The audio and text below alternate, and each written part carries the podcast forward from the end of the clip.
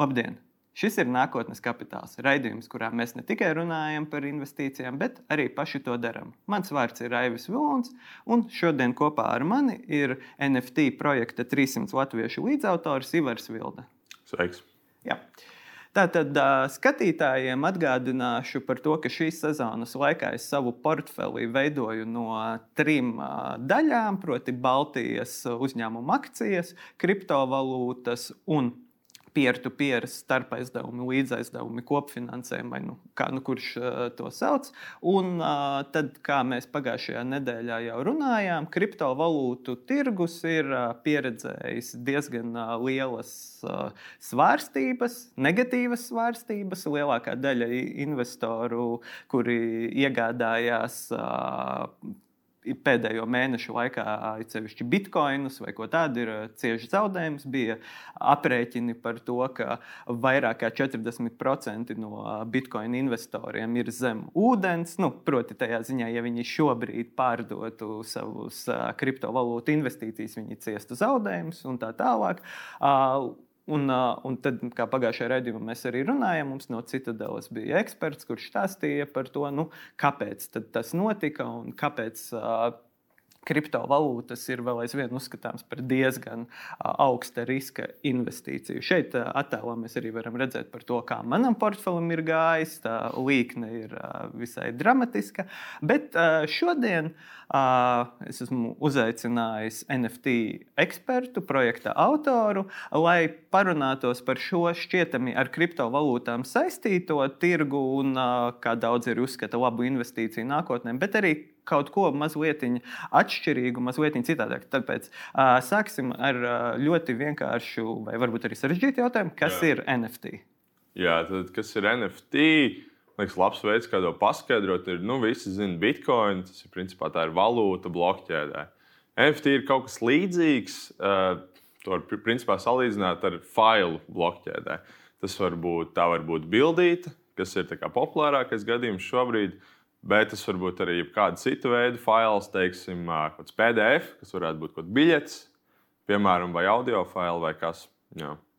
Mm -hmm. tas, tas pašos pamatos ir NFT.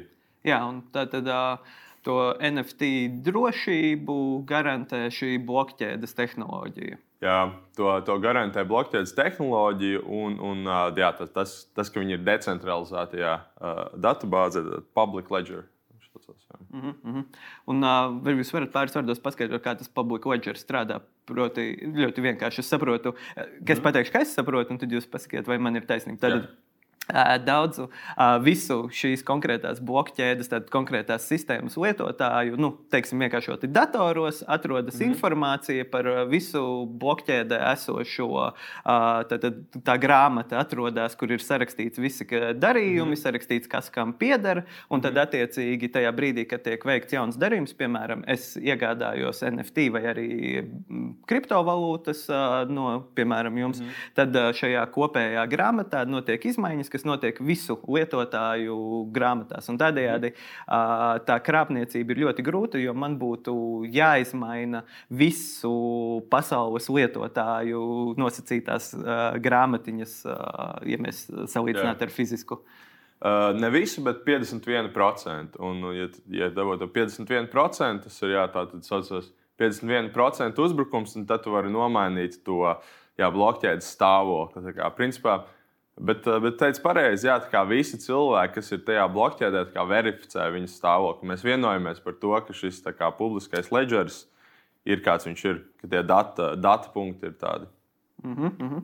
Jā, un eh, šobrīd tad, uh, saistībā ar kriptovalūtu lielo vērtības kritumu arī NFT tirgu ir uh, novērojams krit, kritums. Ja nemaldos, tad Wall Street Journal vai kāds cits no izdevumiem minēja, ka salīdzinot ar pērnā gada laikam septembrī, vai, nu, principā rudenī, kad arī kriptovalūtām bija viena no augstākajiem līmeņiem pēdējos gados cenu vērtībām, tas kritums tirzniecībā un vērtības kritums NFT tirgu ir 90%. Mhm. Kāpēc? Kas notiek?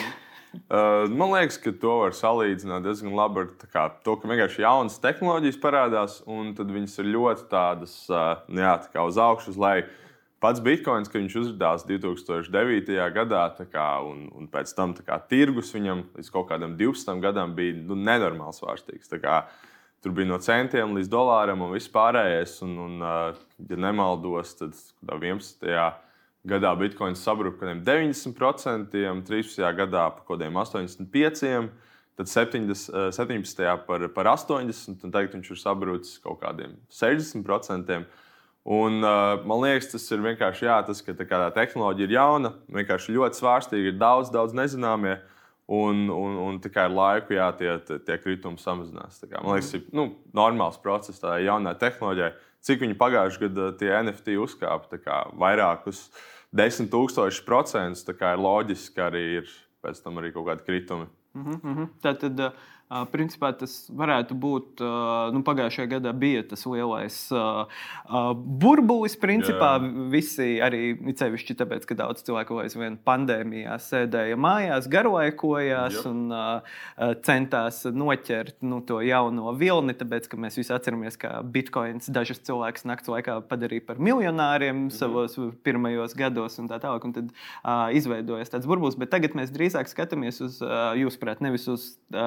Nu, tādu uh, katastrofu, bet drīzāk uz tirgus korekciju, kur jā. uh, kaut kādā brīdī izlīdzināsies. Pilnīgi noteikti, jā. Tas, tas pats vecais salīdzinājums, ne, kā, kā šis dotcom burbulī. Bija kaut kāda vienkārši nu, nenormāli daudz projektu, kas nebija tādi tā kā sustainable, vai ne? Tā kā kaut kāds tika pārdots pēc.com par simtiem miljonu un tādā garā. Uh, Un, man liekas, jā, būs arī ļoti līdzīga ar NFT. Protams, ka tirgus nevar uzturēt uh, konstanti kāpjošas cenas ar uh, projektu, kaut kādiem simtiem projektu, kas iznāk katru dienu. Un, un, uh, jā, ir, ir vajadzīgi tie brīži, kad cilvēkiem pēkšņi ir tā domas, ka viņi meklē nevis tos potenciālos pielietojumus, bet viņi meklē kā, potenciālās problēmas. Un, man liekas, tas tiešām ir ļoti, ļoti ciklisks process. Mm -hmm. Kurš gan eh, ilgtermiņā ir, kā, man liekas, tā līnija iet tomēr nu, uz kripto, to, ka kripto tiek pieņemts sabiedrībā lēnām. Mm -hmm, mm -hmm.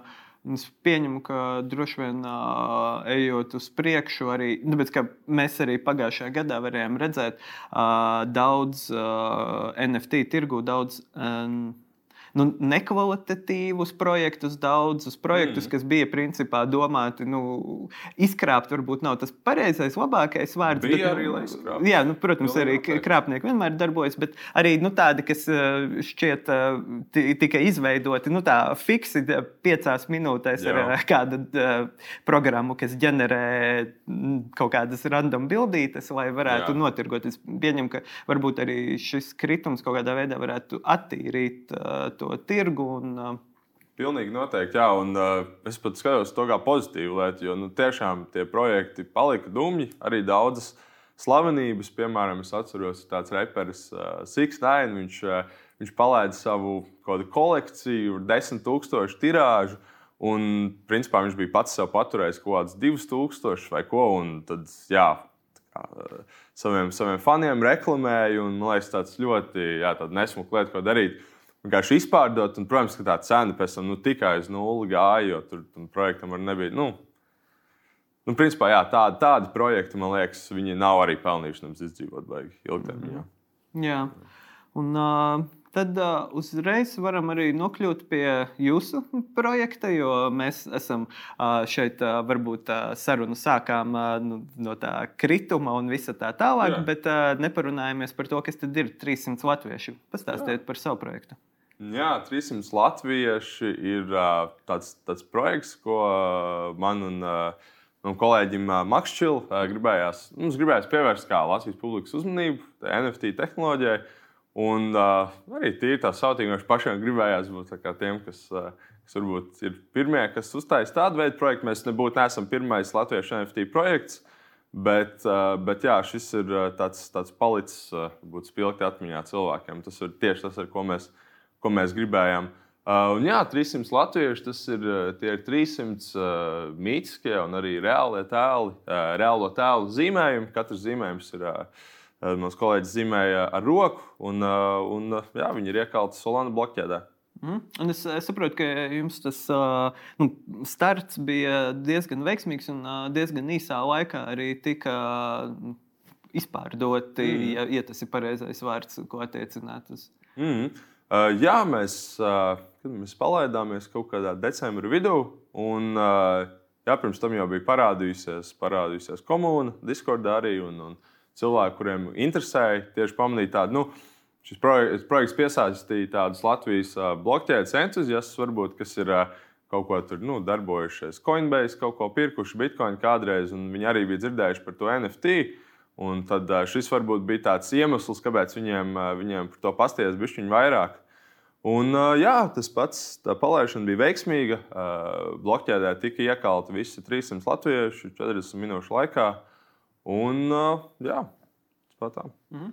Un, runājot par NFT, ir svarīgi arī gan skatītājiem, kuri varbūt nav tik zinoši par šo, ka NFT darbojas konkrētā blokķēdē. Tātad, attiecīgi, šobrīd populārākā pasaulē, ja es meloju, jūs sakiet, ir ēterums. Mhm. Man šķiet, ka tajā blokķēdē arī notiek visvairāk darījumu, un populārākā vietne, manuprāt, ir OpenSea, kura arī darbojas uz ēterumu blokķēdes. Bet mhm. jūsu projekts bija Solana, Jā. kas ir atsevišķa blokķēde. Kādēļ Jā. jūs izvēlēties šo nevis tirgus līderi? Ethereum ir populārākā blokķēde. Tā ir arī blokķēde, kurā vispār radās NFT. Nu, gan ne pilnīgi precīzi, bet nu, tādi pirmie tādi jā, zināmie tādi NFT. Tur arī viņi radīja ERC 721 standartu. Un, uh, tas ir principā veids, kā cilvēki vieglāk var taisīt šos NFT projektus, ka ir tāds standarts un principā var pārkopēt tos smart kontraktus, viedos līgumus un, un, un jā, vienkārši tur uploadot mhm. savus, savus failus. Bet uh, iemesls, kāpēc mēs to nedarījām Ethereum blokķēdē, ir, jo uz tās ir ļoti augstas transakciju izmaksas. Uh, viena transakcija maksāja tajā brīdī kaut kādus 50 dolārus, kaut kur tādu. Iekalšana, man liekas, prasa vēl vairākas transakcijas. Tad būtu, principā, par katru iekalšanas jāmaksā 100 dolāri mineriem, cilvēkiem. Tad mēs noteikti sapratām, ka tas nu, galīgi nav variants īpaši šī projekta kontekstā, kur mēs gribējām taisīt tādu tiešām pieejamu cilvēkiem. Un, un, un tāpēc mēs, mēs izlēmām, ka darīsim to Solānas blokķēdes, kas ir tajā brīdī bija es teiktu, tāda nu, otra populārākā NFT uh, eh, blokķēde aizvien ir. Uh, un viņai transakciju izmaksas ir principā pāris centi. Un uh, arī notiek tā uzreiz. Ir arī dažreiz problēma, ka ir bijusi jāpagaida, varbūt, jo viņi ir tādi, nu, tiešām tāda, tāda pilna, bieži un arī tāda lēna diezgan. Jo viņi ir decentralizēti. Solana, teiksim, ir centralizētāka, tāpēc viņi var rīkoties ātrāk. Mm -hmm, mm -hmm. Un, vai jums ir dati, vai sekojat līdzi projektam, cik ir šobrīd vērtīgākais no 300 mm. latviešiem, cik Solanas naudiņas maksā? Esat... Mm -hmm. Es tā baigi neskoju līdzi, bet jā, man liekas, ka viens tika pārdots par kaut kādiem 15 salonām. Es tiemžēl aizmirsu, cik tagad bija, bet, uh, bet jā, ir bijis, bijuši salīdzinoši augsti. Uh, augsti jā, pārdošanas gadījumi Solana izteiksmē, un uh, neviens aizvien nav pārdots zem tās iekalšanas cenas, par, par, par ko man prieks. Jā. Mm -hmm. Un, vai ir kaut kāds, plānojot kaut kādu turpinājumu, 300 latviešu kvadrātā vai 600 latvieši vai jebko citu kaut kā, kā izmantot to kopienu, jo mēs ar, arvien vairāk redzam, ka NFT projektus bieži vien izmanto kā tādu pirmo soli kaut kam mm -hmm. tālāk, varbūt pat ar fiziskajā pasaulē, arī kaut kam ne tikai internetā. Jā. Uh, jā, man vispār bija fiziskā kopija, gan nepaņēma, bet uh, Uh, NFT. Bet, uh, jā, mēs, mēs starp citu palaidām, uh, tad mēs uh, uzdāvinājām visiem 300 latviešu uh, īpašniekiem uh, jaunu kolekciju, kā cēlēs stārķi viņi saucās. Tāda kolekcija, ko domājam, nu, varbūt cilvēki varētu gribēt izmantot kā profilu bildēs. Arī daudz ir, es redzu, uzlikuši Discordā sev kā, sev kā profilu bildes. Jā, principā tā bija kolekcija ar jā, 300 stārķiem, kuriem ir dažādi uh, Tātad šie, šie, šie kaut kādi. Tur vienam ir salds mutē, tur vienam ir cepuri. Nu, kaut tā bija tā autoģenerētā kolekcija, kādu mm -hmm. minēju sākumā. Šī bija roku zīmēta, un tā bija tad, uh, tāda. Uh, un, un, un, jā, ir vairākas lietas, padomā, ko darīt. Mums tāds, uh, tāds, tāds, tāds plāns ir uztaisīt arī dzīvē izstādi. Varbūt. Tas, tas varētu būt, man liekas, interesanti Latvijas publikai. Varbūt kāds iet arī no malas un redzētu, gribētu apstīt. Mm -hmm, mm -hmm. Un, uh, Tad uh, no jautājuma par jūsu projektu nākotni ir uh, jāpajautā par NFT. Vai uh, jūs pats to redzat kā Eh, ilgtermiņa investīciju rīku, kā rīku, kurš ir nu, tāds, kā, kas varētu kaut kādā brīdī pielīdzināties tradicionālajiem vērtības uzkrāšanas rīkiem, nu, teiksim, tām pašām mhm. akcijām, obligācijām, zeltam vai tā tālāk. Jā. Man liekas, konkrēti NFT, kā tas patreiz tiek izmantots, tieši runājot par, par, par bildēm. Uh, Man liekas, to var vislabāk salīdzināt ar mākslas tirgu. Man liekas, tas ir vispār precīzi tas pats, kas, kas mākslas tirgus. Jā, tu pārdod, pārdod bildi vai ne. Īpaši tas attiecās gan uz, principā, varētu pat nodalīt divos. Kā, man liekas, ka ir tās tā kā, mākslas NFT, un tad ir tās tā kā, tādas tā kā, tirgojamās kartiņas. Gan drīz, vai kā atceramies, bija dīnāmo kartiņas, vai ne, kur bija limitēta, tur, teiksim, tūkstoš ņģivī vai, vai kaut kas tāds. Un, uh, man liekas, ka uh, konkrēti tā, tā kripto māksla būs precīzi tāda pati kā tagadējais mākslas tirgus, jo jā, tas, tie, tie, tie mehānismi ir līdzīgi. Un, un, un, uh, un, un, un ar, ar tām, tām, tām kartiņām tur, tur varbūt jā, ir vairāk tas spekulatīvais. Tur es nu, nu, noteikti kā kaut kādas konkrētas kolekcijas paliks nākotnē. Kā teiksim, nu, tās pirmās droši vien kriptopanks vai, vai tie paši pētiķi, kas ir redzēti. Mm. Bet nu, nevarētu viņus salīdzināt gluži ar zeltu vai, vai akcijām vai kaut ko tādu. Jā. Mm -hmm.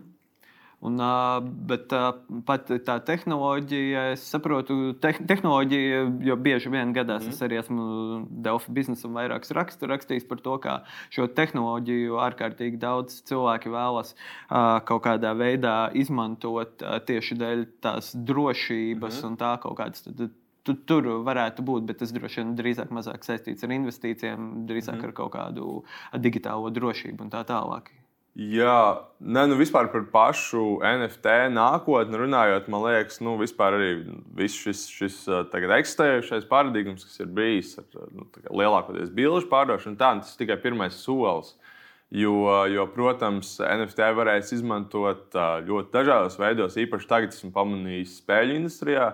Ļoti daudz tiek runāts par NFT un īpaši par, kā, par kaut kādām ādiņām vai ne savu, savu tēlu ādiņus. Tu vari kā NFT un pēc tam pārdot tālāk. Un tas tāds noteikti ir demokrātiskāks process kā, kā tagad, kur parasti vienkārši jākot konkrētā kompānija pārdot tās ādiņas, tur, cik, cik grib, principā, mm. tirāžā. Nu, un, jā, tā ir tāda, tāda, tas radīt, man liekas, tādu decentralizētāku spēlēšanas sajūtu, tādu, ka cilvēkiem visiem pieder tā spēle nedaudz vairāk. Mm. Un, uh, jā. Un vēl par NFT nākamajā, es pirms tam arī runāju, es, es pieminēju biļetes. Man liekas, ka biļešu tirgumu NFT varētu tiešām labi izmantot. Piemēram, tagad ir tāda problēma, ka teiksim, kāds ir nopircis nu, to oriģinālo biļeti, un pēc tam viņi tiek pārdoti par 500 dolāru vai ne. Tur sākumā nopirkt par 20 dolāriem. Vai kaut kas tāds. Un, uh, un tas, tas pats cilvēks, nu, tie paši rīkotāji, neko no tā neiegūst. Savukārt ar šo NFT tehnoloģiju tu vari ielikt tajos kontraktos, piemēram, ka pēc katras kaut vai nākamās transakcijas kaut kas aiziet tam, tam pirmajam cilvēkam, tam radītājam. Un, man liekas, tāda, tāda forša lieta. Arī tieši pats attiecās arī uz mākslu. Mm -hmm. Teiksim, katru reizi, kad tavs mākslas darbs turpina dzīvot, tu arī kaut ko no tā dabū. Mm. Jā, tas, tas ir ļoti labs. To mēs sākumā nepieminējām, mm. ka šī uh, funkcija ir pieejama.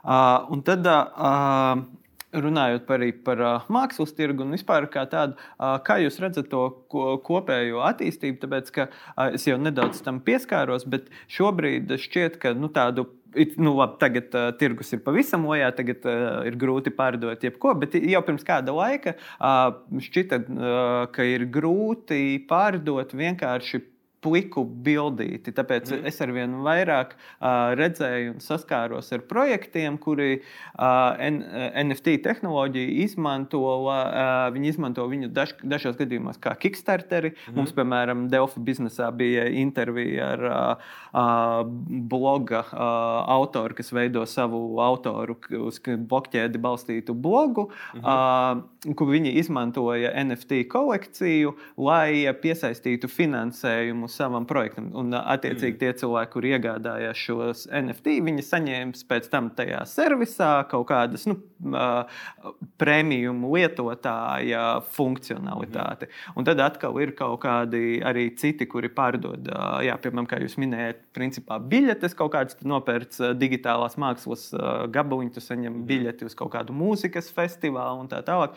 Vai tā ir tā nākotne, vai šobrīd, vai šobrīd nevar pārdot vienkārši bildīti, vai mm. nākotnē ir drīzāk kaut kādi šādi veidi projekti? Mm, jā, nu ļoti iespējams. Jā. Uh, tiešām ir, kāds, piemēram, arī ir, tāds, ir daudzi projekti, tieši šie spēļu projekti, kas sākumā pārdod, jā, teiksim, 10,000 tirāžā, tad šos skinus. Uh, tas ļauj viņiem savākt diezgan normālu finansējumu, ar kuru pēc tam viņi tālāk arī, tālāk arī uh, attīstīja savu spēli. Un, uh, maksā komandai un vispārējo. Un, jā, pilnīgi noteikti šis varētu būt labs veids, kā savākt kapitālu arī nākotnē. Mm -hmm. Uh, bet uh, tomēr šobrīd uh, visas uh, kriptotehnoloģijas, lai gan tās ir kļuvušas nu, daudz pieejamākas un ar vien vairāk parastie cilvēki iesaistās, tomēr uh, tas ir diezgan patālu līdz nu, tam, ka tas nonāktu līdz katram iedzīvotājam, līdz tai slavenajai, ko mēs mēdījos par piemēram Tantei Bauskā, mm. lai viņa savā telefonā viņai būtu kripto maciņš, un tad viņa varētu izmantot tās lietas. Vai ir kaut kādas tendences vai virzība, ko jūs redzat, ka, lai atvieglotu šo procesu, nu, lai tas mm. nokļūtu kaut kā vieglāk mūsu ikdienā? Jo, nu, principā, tagad vietā runa ir, arī Tantei Bauskai ir vietā tālrunis, bet uh, kā dabūt, uh, lai viņi iesaistītos, vai ir kaut kādi nepieciešami demokratizācijas procesi tālāk? -hmm. Nu, vienkārši kripto ļaudīm ir jāceļ augšā jauni projekti, jātaisa tātad šie, šie tilti starp reālo pasauli un kripto pasauli. Mans arī pašam ir interesējis, domāju, nākotnē droši vien kādu šādu projektu izveidošu. Un, jā, tā kā ir vienkārši jā, jātaisa tādas aplikācijas, piemēram, Bet es noteikti esmu pamanījis milzīgu tādu kripto ienākšanu īstajā dzīvē. Kā teiksim, pirms pāris gadiem vēl neeksistēja tādas kripto kartes, piemēram, tagad lielākajiem. Lielākajām platformām, teiksim, Binance, Coinbase, viņi piedāvā savas kartes, ar kurām cilvēki var principā nu, uzreiz jau izmantot to savu kripto. Teiksim, jā, viņiem tur stāv bitkoina maciņā, un tad šis, šis, viņi, viņi, viņi samaina un vienkārši par dolāriem un tā. Es domāju, ka diez vai būs kādreiz tā, ka kaut kur cenas būs rakstītas bitkoinā, uh, bet būs kaut kāds vienkārši cits process, kā tas, tas sajiet kopā. Un, uh, es saredzu kripto pasauli gandrīz vai tādu kā iespējamu tā kā jaunu finanšu pasaules, uh, kā bija Latvijas, tā kā backend, tādu tā kā nu, aizmuguri, tā kā, kur, kur tie visi mehānismi iet cauri. Jo, uh, Jo vienkārši kripto izgriež ārā to vidējo cilvēku, tādā veidā padarot visu nu, kapitālu efektīvāku. Principā. Mm -hmm. Es uh, vēlos pētīt, tas nav nu, gluži tieši saistīts ar NFT, bet vairāk ar uh, kriptovalūtām. Kādam mums uh, pagājušajā raidījumā bija viesis, mēs runājām par kriptovalūtām, un viņš minēja, nu, ka uh, viens, uh, ka savā ziņā kriptovalūtas ir mazliet.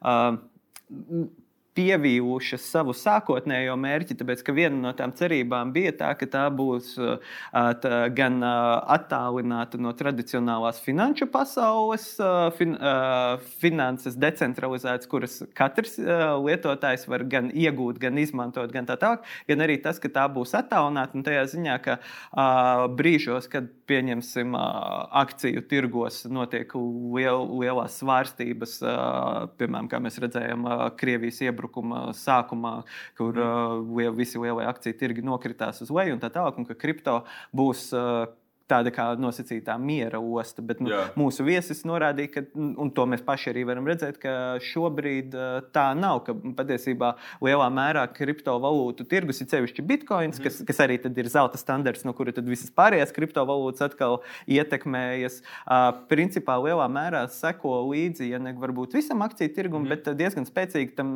tehnoloģiju tirgumam, jo, kā mēs redzam, tehnoloģiju uzņēmumi iet uz leju un kriptovalūtām ir diezgan līdzīgas tās līknes. Jā. Vai Uh, tā, tā, nu, vai tā ir jaunā norma, proti, vai uh, tas uh, kripto būšana nostāk no visa pārējā ir beigusies, un tagad, kad ir jau diezgan ievērojamas naudas summas, miljardos ieguldītas daudz dažādās blokķēdēs, daudz dažādās mm. kriptovalūtās, ka viņš vairs nevar būt attālināts no tās pārējās finanšu pasaules, un ka tā, ka tā ir mm. daļa no parastās finanšu pasaules, vai mēs gribam vai nē. Jā, nu pats uh, Satoshi teikt, ka viņš uzrakstīja to Bitcoin uh, white paper. Nu, viņš jau, nu, protams, ka viņš. Mēs nevaram paredzēt, kā cilvēki rīkosies, kā rīkosies tirgus un viss pārējais, bet uh, man liekas, pašos pamatos, uh, jā, nu, teiksim, bitkoins nu, ir nost no tās sistēmas. Viņš ir. Un, un tas, kā cilvēki uz to skatās, kurā brīdī tas, tas ir ļoti mainīgs. Un, kā, nu, tirgu nevar tā ietekmēt. Teiksim, jā, kripto tirgus senāk bija, bija mazāka korelācija ar akciju tirgu, bet viņa palika lielāka 2017. gadā, kad uh, CME varēja sākt uh, pirkt un pārdot tātad, uh, tur, nu, šās futures mm. kontraktus. Un uh, kopš tā brīža arī ir iegājuši noteikti daudz vairāk arī tādi tradicionālāki fondi iekšā kripto pasaulē. Nu, tad, protams, ka viņus arī ietekmē tas visas tur akcijas, tirgus svārstības. Un, protams, tā korelācija eksistē, bet uh, es pilnīgi neizslēdzu iespēju, ka kādā brīdī tas narratīvs mainās un tā korelācija arī. Nu, viņa, viņa nav viens pret viens jau tagad, un viņa var tiešām arī, arī ļoti mainīties un varbūt pat iet, iet pretēji. Un, teiksim, viena tāda laba lieta, kas man liekas, bija, kad 2021. gadā bija tik daudz runāts par inflāciju un tādā garā.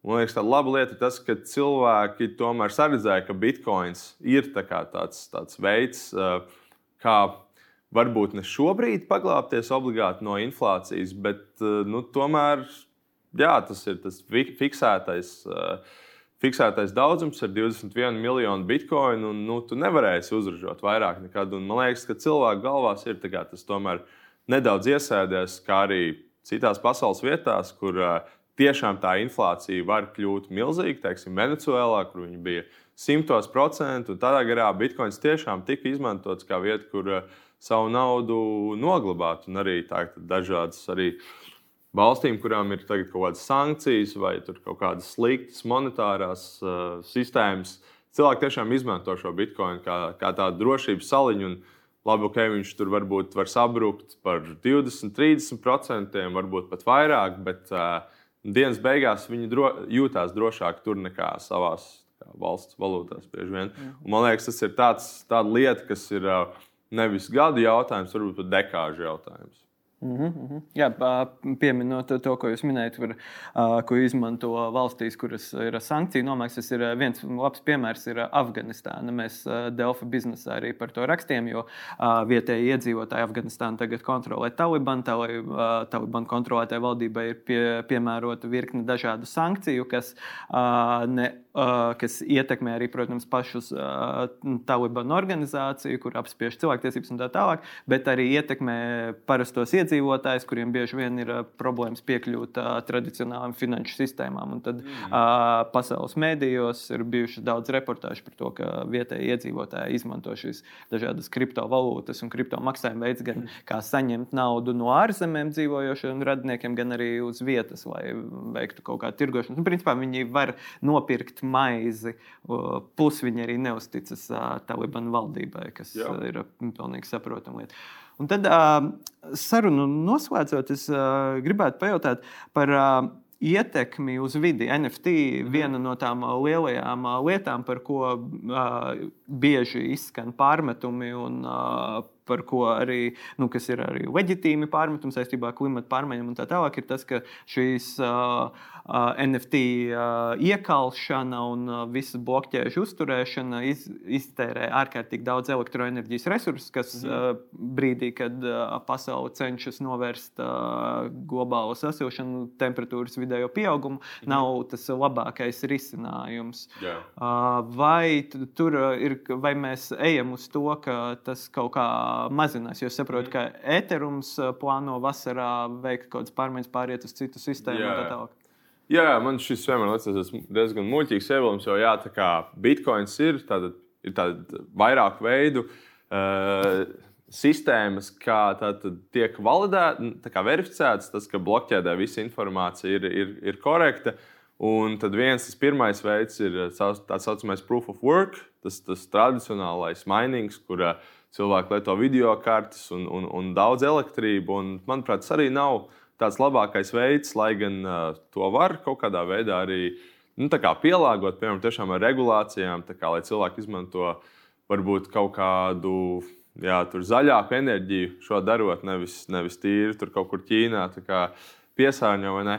Bet, uh, bet, bet, bet tieši Ethereum, jā, kā pareizi saka, Ethereum pārējās uz citu modeli. Viņš saucās Proof of Stake, un viņš ir pilnībā, nu, viņš izmanto vairāk elektrību kā, nezinu, sēdēšana Twitterī. Tas ir, principā, nu, jā, tas vairs nebūs vispār īsti nekāda veida. Nebūs īsti tāds nekāda veida iebildums, man liekas, valīts. Un, un, un uh, ir arī vairākas blokķēdes, kuras tieši mēģina šo risināt. Teiksim, ir kaut kādas blokķēdes, kuras uh, par, par savu tur, sakrāto naudu tur pērk kokus un visu kaut ko tādu. Man liekas, ka es tiešām esmu pamanījis uh, nu, tādu kokus. Ne? Un, uh, es esmu pamanījis noteikti no kripto pasaules tādu, tādu tiekšanos uz, uz šo, šo mazāku nospiedumu uz dabu, jo tas, protams, nav labi. Jā. Mm -hmm. Starp citu, saistībā ar ēteru un pāriešanu uz zaļ, zaļāku versiju, vai varētu kaut kādā brīdī notikt tā, ka Ethereum kā otrā populārākā kļūst par pirmo populārāko kriptovalūtu. Jo nu, tad arī mēs atceramies, ka, piemēram, uh, kad uh, Ilons Musk, Elon Musk Tesla gribēja pieņemt bitkoinus, uh, viens no lielajiem pārmetumiem bija tieši šis uh, vidas jautājums un tā tālāk. Mm. Un, uh, tā bija atteikšanās, bet uh, tad ir šī otrā populārākā valūta, kas ir plaši adaptēta, pieņemta, kuru tad bez sirdsapziņas pārmetumiem dažādi lielie uzņēmumi varētu pieņemt kā maksājumu līdzekli. Mēs, Jā. piemēram, šovasar vasarā varētu redzēt kaut kādu uh, revolūciju. Mm. Principā. Jā, nu, principā Bitcoins vairs mm, baidos samalot, man liekas, starp kaut kādiem top 50 uh, kriptovalūtām. Man liekas, Bitcoins ir vienīgais, kas ir palicis, kurš ar proof of work sistēmu. Un, jā, tiek spekulēts jau kopš jau ļoti sen, jau kopš Ethereum tika palaists, kā, ka viņš varētu uh, apdzīt Bitcoin, kļūt par uh, valūtu numur viens. Un 17. gadā es atceros, mēs pietuvojāmies ļoti tuvu. Es pats arī biju viens no tiem, kas domāja, ka tas droši vien notiks. Un, un uh, tiks, tiks tagad, uh, Tīrījums nokļūs pirmajā pozīcijā, bet tas toreiz vēl nenotika. Bet es, es arī varētu prognozēt, ka es teiktu, ka 50% tas notiks. Nezinu, vai šogad jau, bet tuvākajos piecos gados tas varētu notikt. Tāpēc, ka uh, Ethereum ir tāda vieta, kur notiek daudz vairāk inovācijas. Bitcoin tas kods, nu, viņš ir pirmā kriptovalūta. Viņš, viņa dizainā nebija gluži paredzēts, ka uz viņa tiek veidotas decentralizētās aplikācijas un viss tas. Bet uh, Ethereum sevī ietver jau solidity programmēšanas valodu, un uh, pie viņa strādā tiešām desmitiem tūkstošu programmētāju, kas taisa visu laiku tās, tās kaut kādas jaunas lietas, vai tas ir jā, NFT pielietojums, vai tas ir decentralizētās finanses, vai jebkas cits. Un, man liekas, tieši tā aktivitāte varētu būt tas, kas kādu dienu arī palīdzētu tirjumam uh, ieņemt pirmo pozīciju tirgu. Mm -hmm. Ok, labi. Tas arī šodien viss. Paldies uh, jums. Uh, un uh, skatītājiem es atgādināšu, ka katru pirmdienu mēs ar Konstantīnu publicējam, kā veicas mūsu portfeļiem Delfi biznesa uh, lapā. Un uh, tad cerams, ka varbūt vasarā, kā mēs runājam, ēterums uh, uzaugs un mans portfelis arī uh, beidzot radīs uh, pozitīvu virzību. O, savukārt raidījumu jūs varat skatīties Delfi TV otrdienās, 16.00 vai arī pēc tam Delfi biznesa, sākot no trešdienas rīta. Paldies skatītājiem, paldies viesim! Uz redzēšanos! Paldies.